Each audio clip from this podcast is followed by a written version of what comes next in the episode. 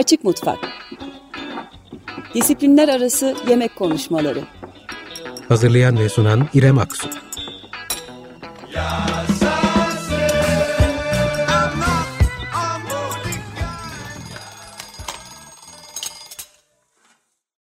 Açık Mutfak'tan herkese merhaba. Ee, geçtiğimiz programda konuklarım ile Türkiye'de buğday üretimi ve ithalatı üzerine konuştuğumuz bölüm üzerine bir dinleyicimizden gelen notu paylaşarak e, başlamak istiyorum.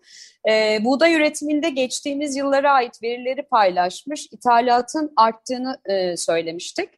Tarladan sofraya ekmek çalışan, değirmencilik yapan ve ekşi mayalı ekmek üreten oluşum Eppe'yi e, bilenleriniz vardır. Eptek'ten Burak Bey e, bu yorumun eksik kaldığını düşündüğü için bir not paylaşmış e, bizimle. E, bunu aktarmak istedim. Çünkü kendisi küçük bir üretici ve bir çiftçi olarak tarım politikalarının bizi zorladığını ve acilen yerel üretici lehine değişmesi gerektiğini söyleyebilirim. Fakat Türkiye senede yaklaşık 20 milyon ton buğday üretimiyle kendine hala yetebilen bir ülke e, demiş. Ben de verilere baktım. TÜİK'in verilerinde benzer e, şeyler var. Özellikle ham madde de ithalat ama işlenmiş e, un ve e, makarnada ihracatın arttığına dönük bir bilgi. E, birinden birini söylemezsek panik yaratıp eksik kalacağını e, vurgulamış. Ben de bunu e, paylaşmak istedim. Teşekkür ediyorum kendisine. E, bugün konumuz buğday değil. E, bugün konumuz bahar, e, bahar bayramları ve yemek ritüelleri olacak. E, ve çok kıymetli bir konuğum var e, bunu tek başıma konuşmayacağım. E, mimar, restorasyon uzmanı, yemek kültürü yazarı Aylin Öneytan bizimle. Onu aynı zamanda Güneşin ve Ateşin Tadı Gaziantep Mutfağı kitabıyla da mutlaka hatırlayanlarınız olacaktır. Hoş geldin Aylin. Merhabalar. Merhaba. Ee, bahar bayramları konusunu e, konuşmayı düşündüğüm anda aklıma gelen isim sen oldun. Bu konuda çokça e, yazıp çizdin. E, o yüzden birlikte birazcık baharı e, kutlayalım diye düşündüm. Şimdi bahar bayramları deyince aklımıza özellikle bu coğrafyada da olduğu için sanırım Paskalya, Nevruz, e, Hamursuz gibi bayramlar geliyor. E, ancak dünyada farklı topluluklar, değişik coğrafyalarda yine e, başka kutlamalarla baharı karşılıyor. Tüm bu bayramlar e, ailelerin, akrabaların, komşuların bir araya geldiği bizim zamanımızda evleri ziyarete gitti ve birlikte yemekler pişirdiği müşterek sofraları da hatırlatıyor aynı zamanda. Ama e, biraz geriye dönecek olursak neden baharda peş peşe bu bayramları kutluyoruz ya da biliyoruz? Nedir bu bayramların ortak özellikleri? Tabii ya en kısa cevap şöyle, baharın gelmesi, e, daha doğrusu kışın bitmesi. Kışın bitmesi o kadar özlenen bir şey ki, çünkü yeni tarım dönemi başlayacak, e, doğa yeşerecek ve hayatın tekrar canlanışına dair ve bu ölüm ve doğum döngüsünün tekrar yaşayacağına dair inanç tekrar yenilenecek. Aslında bu bir döngü. Ve evet ben buna daha ilk yazmaya başladığım zamanlardan beri çok e, kafayı takmış e, durumdayım. Cumhuriyet'te ta 2003 yılından itibaren hep ilk aslında bu konuları yazdım ve yazdıkça da benzerliklerini keşfetmeye başladım. Aslında tabii bütün bu bahar bayramları e, kışın bitmesini ve baharın ve dolayısıyla yazın gelmesini, yaz aylarının başlamasını simgeliyor. Ve onun için baharın gelişi e, e, kutlanıyor. Ama e, kültürden kültüre zamanı değişebiliyor. Yani 21 e, Mart Nevruz olarak kabul ediyoruz. Nevruz zaten yeni gün anlamında. Nev yeni e, Farsça e, ve zaten İran e, Nevruz'u çok e, e, ciddi bir yeni yıl olarak kutluyorlar. E, mali takvim de e, Nevruz'a göre ayarlandığı için sarayda mesela mutfağa alım defterleri de Mart'tan Mart'a daha doğrusu Nevruz'dan Nevruz'a tutuluyor. E, bu anlamda aslında Nevruz yılın başlangıcı kabul ediliyor. Tabii özellikle farklı gruplar bunu e, daha farklı kutlayabiliyor. Kürtlerin kutlaması farklı, İranlıların kutlaması farklı, Azerilerin kutlaması farklı. Ama özünde hep aynı şey var. Ee, ve ben yazdıkça benzerlikleri keşfetmeye başladım dedim ya, bu Çin yeni yılıyla da çok benzerlik kurmaya başladım. Özellikle bazı ritüeller de çok benziyor. Ee, hep aslında tarım toplumlarını, yani tarım toplumlarının e, tabiatın öldüğü, tarımın durduğu, e, kış aylarından yaz aylarına tekrar tarımın bereketini, tabiatın e, bereketini sunacağı yaz aylarına geçişin kutlaması aslında bahar. Onun için e, tarım e, temelli toplumlarda bahar kutlamaları çok çok önemli olmuş. Aslında doğa takvimine göre şekillenmiş Tamamen değil mi? Tamamen doğa takvimi evet. Yani hı hı. hepsinin temelinde e, pagan diyoruz, işte şaman diyoruz. Ama evet. aslında doğa takvimi yani insanoğlunun doğa takvimi. Evet bu şenlikler de sanırım e, bereket e, kutlamaları. Çünkü o senenin bereketli geçmesi, insanların karnının doyması, e, yağmurun yağması, toprağın dirilmesi dediğiniz gibi e, hepsi bu döngü içinde bir şekilde kutlamalara dönüşüyor. Peki e, yakın zamanda Paskalya e, var malum. E, bunun için de e, yine bir diriliş e, hikayesi ya da kutlaması demek doğru olur herhalde değil mi? Ya ben gene de bu diriliş sembolizmini doğanın tekrar dirilişine bağlıyorum hep. Hı hı. Ee, yani orada tabii İsa tekrar canlandı diye e, e, bunlar hep e, aslında inançların revize edilmiş şekilleri gibi ben yorumluyorum. E, dolayısıyla sembolizmde mesela hep niye yumurta var? Ee, evet. Orada işte her e, Paskalya'da da e, İsa'yı temsil ettiği söylenir ama e, Pesah ya da İngilizce deyişle Passover hamursuz bayramı sonrası e, Pesah e, kutlamasında da e, yumurta var. E, ama Nevruz'da da var. Nevruz'da da çok önemli bir sembolizmi var yumurtanın. O da hep aslında yeniden doğuşu e, simgeliyor. Ee, onun için yumurta tokuşturma sadece mesela Paskalya'ya özgü değil. Özellikle İran Nevruz'unda e, renkli renkli boyayarak da pekala bol miktarda yumurta var. O yumurta yeniden doğuşun simgesi. E sonra İsa'ya bir şekilde o adapte edilmiş haliydi. Yani tek tanrılı ön, e, dinler öncesinde de aşağı yukarı bayram tarihlerine denk, denk düşen ayinler bunlar ve birbiriyle e, benzerlik taşıyor aynı coğrafyalarda olduğu için değil mi? Evet, hem dinler e, hem de dinler öncesi dönemler. E, yani tek tanrılı dinlerde adapte ediliyor. Ama mesela e, yumurta gibi özellikle Nevruz'da çok önemli olan buğday çimlendirme var. Bunu özellikle Azeri, e, Orta Asya ve İran Nevruz'unda görüyoruz. İran Nevruz'unda çok önemli. Mutlaka buğday çimlendiriliyor ve o e, tam Nevruz gününe hazır olacak şekilde yemyeşil hazır ediliyor. O da aslında tam bah baharı e, e, simgeliyor. Hatta ondan yapılan e, sümenek veya semenu denilen bir e, helva da var. Aslında tek malzemeli bir helva.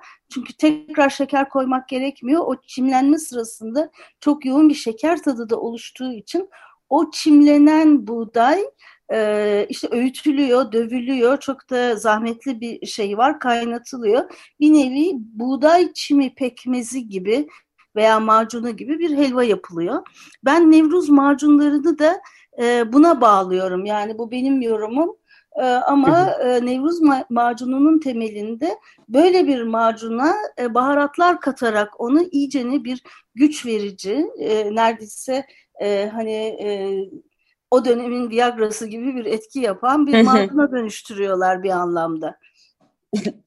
Peki şimdi Paskalya e, meselesine tekrar geri döneceğim. Sanırım Türkiye'de özellikle e, Türkiye'nin batısında en e, yakından tanık olduğumuz İstanbul'da oturanlar için hatta birazcık daha daraltalım Kurtuluş'ta oturanlar için özellikle e, şimdilerde e, bildiğimiz bir Paskalya çöreği e, vakti vardır. Kokusundan bahsedilir işte e, örgü şeklindedir. E, bu özellikle Paskalya çöreğinin tarihine e, dönük bir şeyler var mı? E, bir hikaye ya da bir veri sizin paylaşabileceğiniz? Yani e, bunun daha sonra e, Paskalya'ya uydurulan bir uygulama olduğunu düşünüyorum ama e, Nevruz için de mesela gene ortasına yumurta konulan öyle çörekler vardır. Hep böyle bir baharatlı bir çörek yapmak e, ve bunu e, adeta e, paylaşılan, ortak paylaşılan bir e, bir ekmek gibi aslında temelinde tabii ekmek var. E, böyle bir şey yapma kültürü var.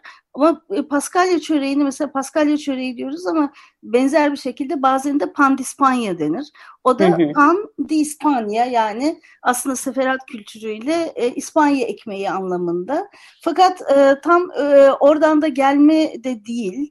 E, çok orada çok karışık aslında onun tarihi. Ama mesela başka bir şeyi ben dikkati çekmek istiyorum. Gene böyle ekmek paylaşımı Azerilerde de var ortasında hmm. yumurtalı ve onun Paskalya ile alakası olmamasına rağmen bence bir link var. Yani bu yönde de sadece sağ, batıya bakarak değil doğuya bakarak da araştırmak lazım. Gene hmm. çok enteresan başka bir e, mesela ortak kültür diyeyim. E, eski dönemin yani eski tarım e, döneminin e, kuru meyvelerini ve yiyeceklerini tüketme adeti var.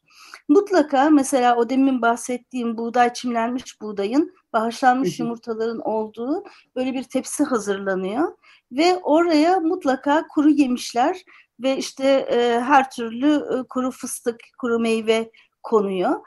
Aslında onları tüketmek lazım ki yeni gelenin e, yeni gelene yer açılsın. Aslında pratik olarak da bakarsak her bütün bu kültürlerde öncesinde mutfağı ve evi tamamen temizlemek vardır.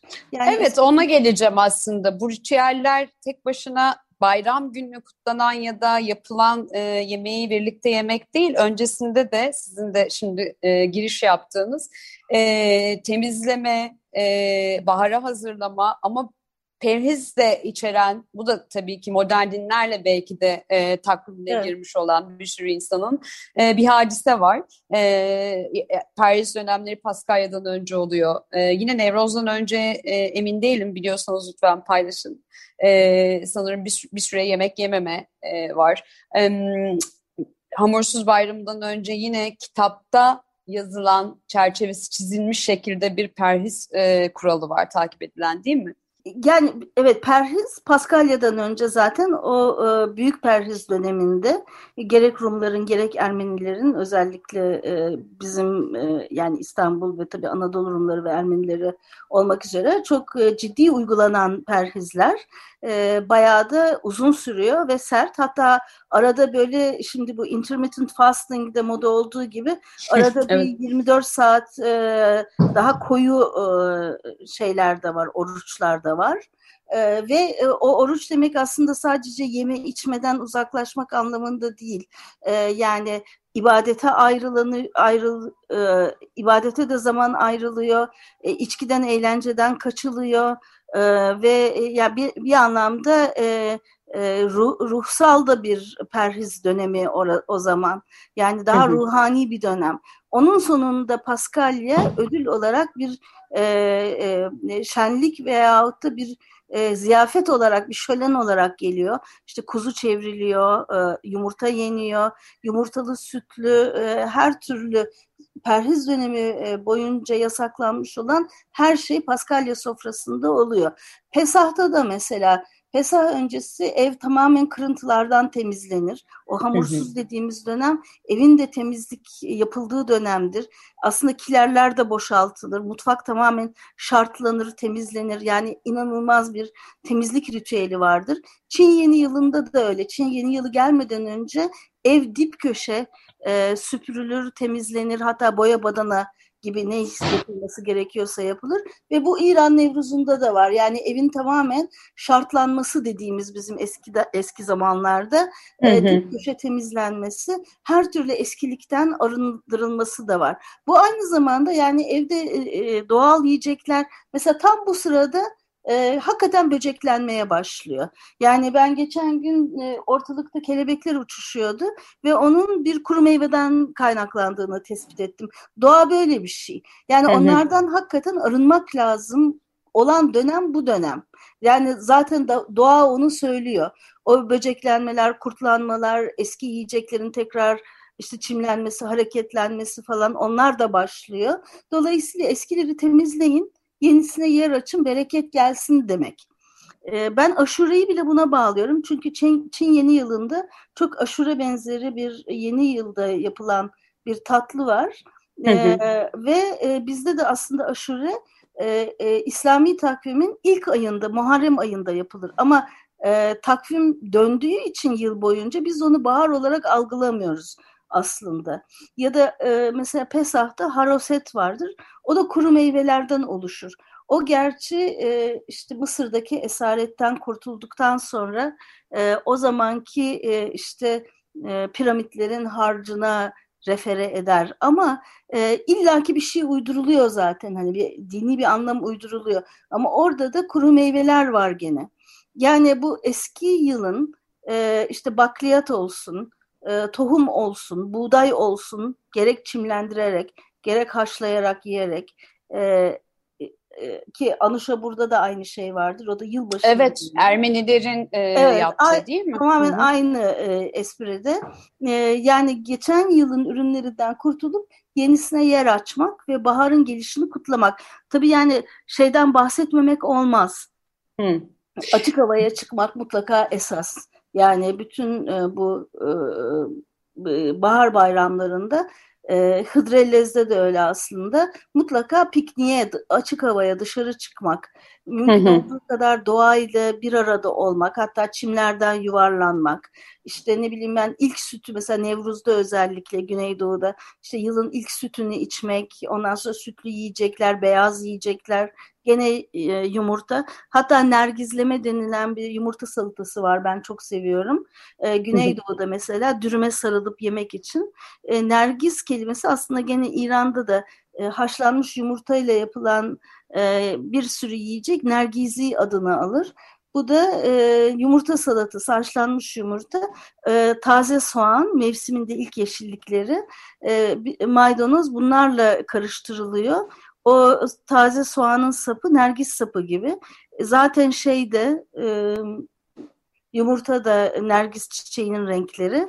E, işte sumak, pul biber falan ve bunlar e, dürüme sarılıp yeniyor. Hem yine çok, yumurta, yine yumurta yine karşımıza yumurta çıkıyor. var. Evet yani evet. yine yumurta da yani e, o kadar güzel bir e, adet ki e, bahar pikniğe çıkıyorsunuz. E, nergizleme e, sarıp dürüm içine yiyorsunuz e, ve piknik yapıyorsunuz. Evet, yani e, maalesef e, geçtiğimiz yıldan beri çok e, bu bayramları kutlama fırsatı olmadı. Ba bayağı güçleşti insanların bir araya gelmesi haliyle. E, bahar ekinoksu yine e, kutlanabilecek mi bir muamma özellikle e, bulunduğumuz evlerde. Geçen sene ilginç haberler var dünyanın birçok yanında e, yerinde e, akıllı telefonlarla işte birbirine bağlanan büyük aileleri bir araya getiren sofralar. Ama sofrada evet, sanal sofralar. Evet, ya birazcık tabii ki şey e, böyle dramatik bir görüntü oluyor ama yine de bir yolunu yöntemini bulduk gibi e, sanki bu kutlamaları devam ettirmek için ama sizin dediğiniz gibi doğayla buluşmak, işte çimlere e, yuvarlanmak, oralara yatmak hala e, güç görünüyor bu senede. E, ama açık hava işte yani hani e, mesafeli mesafeli açık alanlara çıkılabilir bence.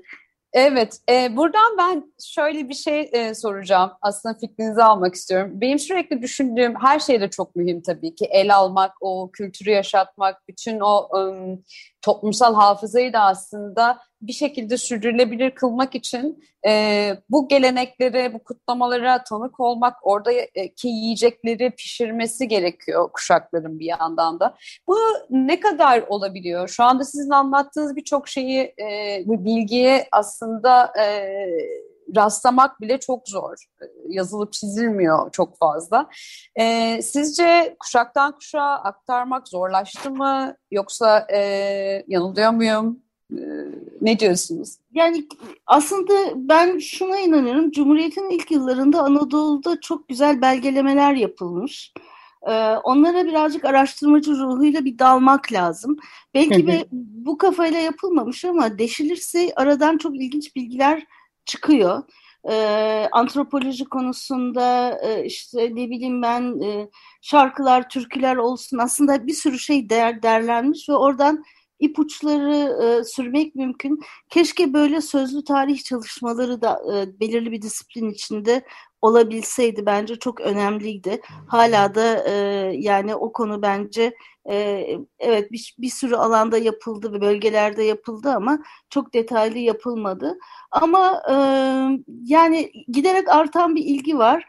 Bir de bir fırsat var aslında. Ne bileyim ben işte YouTube var, e, şeyler var. Herkes bir şeyleri hemen elindeki kamerasıyla belgeleyebiliyor, çekebiliyor. Ve herkes biraz bunu misyon edinebilir. Ben mesela şimdi e, e, e bir e, herhalde teknik olarak bayağı becerikli bir e, torun e, Amerikalarda falan okumuş herhalde. Azeri e, anneannesinin yemeklerini açık havada çekiyor. İnanılmaz güzel e, malzeme çıkıyor oradan. Mesela ona taktım, onu izliyorum falan. Ve evet. artık birbirimize yakınlaştık e, böyle bir şekilde. E, bu tür e, kanalları e, bulma imkanı var. Yani bu tür imkanlar da var. Aslında bir taraftan da birbirimize yakınlaştık. E, tabii bilgi kirliliği de var. Yani internet bu tür imkanlar çok yakınlaştırdı ama e, belki de yakaladığımızı belgelemek bir tarafa atmak zorundayız. E, çünkü e, tabii benim birazcık da arkeoloji geçmişim de olduğu için. Evet, evet. E, yani olmadık şeylerden neler e, çıkarılabiliyor sonra. Bence Kesin. yakaladığımızı not etmek, yazmak, belgelemek, e, bir kenara atmak zorundayız. Evet tabii öğretmek zorundayız yani ve anneanneleri, evet. dedeleri yakaladığımız herkesi yakalayıp sormak zorundayız. Evet. Ee, yani Öyle. bunu not, not altına e, alan iyi ki çok buna ilgi duyan bu sözlü kültürü bir şekilde kitaplaştıran e, İstanbul Rumlarından benim de çok sevdiğim Mariana Yeresimos'un e, özellikle evet. Noel ve Paskalya için anlattığı bir e, bölüm vardı. Programı evet. kapatırken sizin söylediğiniz şeyler de değerli. Onun üzerine onu paylaşıp e, aslında e, herkesin önümüzdeki bahar bayramlarını, baharını e, kutlayarak tamamlayalım programı. Müjde günü Evangelismos 25 Mart Rum Ortodokslarının balık yediği gün, Cebrail'in Meryem'e bir oğul doğuracağını müjdelediği gün. Paskalya perhizi boyunca e, balık yenilen iki günden biridir. Diğeri ise Vayino Paskalya'dan önceki pazar günü. İstanbul'da dostunuz bir balıkçı varsa 1964'e kadar İstanbul'da en çok balık tüketilen gün hangisi derseniz 25 Mart diyecektir demiş. E, bu kısmını çok seviyorum çünkü Harika aslında... hakikaten yani çok güzel. evet evet yani balık e, balık tüketimiyle de e, çok şey bağlantılı e, bir yandan o yüzden paylaşmak istedim. Çok güzel bir kitaptır. E, İstanbul Rum bir ailenin mutfak serüveni. Mariana Yeresimos'un merak evet, edenler varsa. Baktığım bir kitap gerçekten çok güzel. Ama bu tür bilgiler de çok hoş yani işte ummadık yerden bilgi çıkabiliyor. İşte kime sorarsanız en fazla balık 25 Mart'ta satılır. Eski bir balıkçı bunu söylediği zaman mesela neden acaba diye oradan evet, evet. Kesinlikle. Ee, Aylin Öney çok teşekkür ederim katkınız için. Ben teşekkür ederim. Ee, iyi, iyi bahar bayramları diyelim. Evet ben yumurtalarımı haşlamaya başlayacağım. Harika. Hoşçakalın. Hoşçakalın. Evet. Evet Açık Mutfak'tan da bu akşamlık bu kadar. İki hafta sonra aynı saatte görüşmek üzere. İyi akşamlar. Açık Mutfak Disiplinler Arası Yemek Konuşmaları Hazırlayan ve sunan İrem Aksu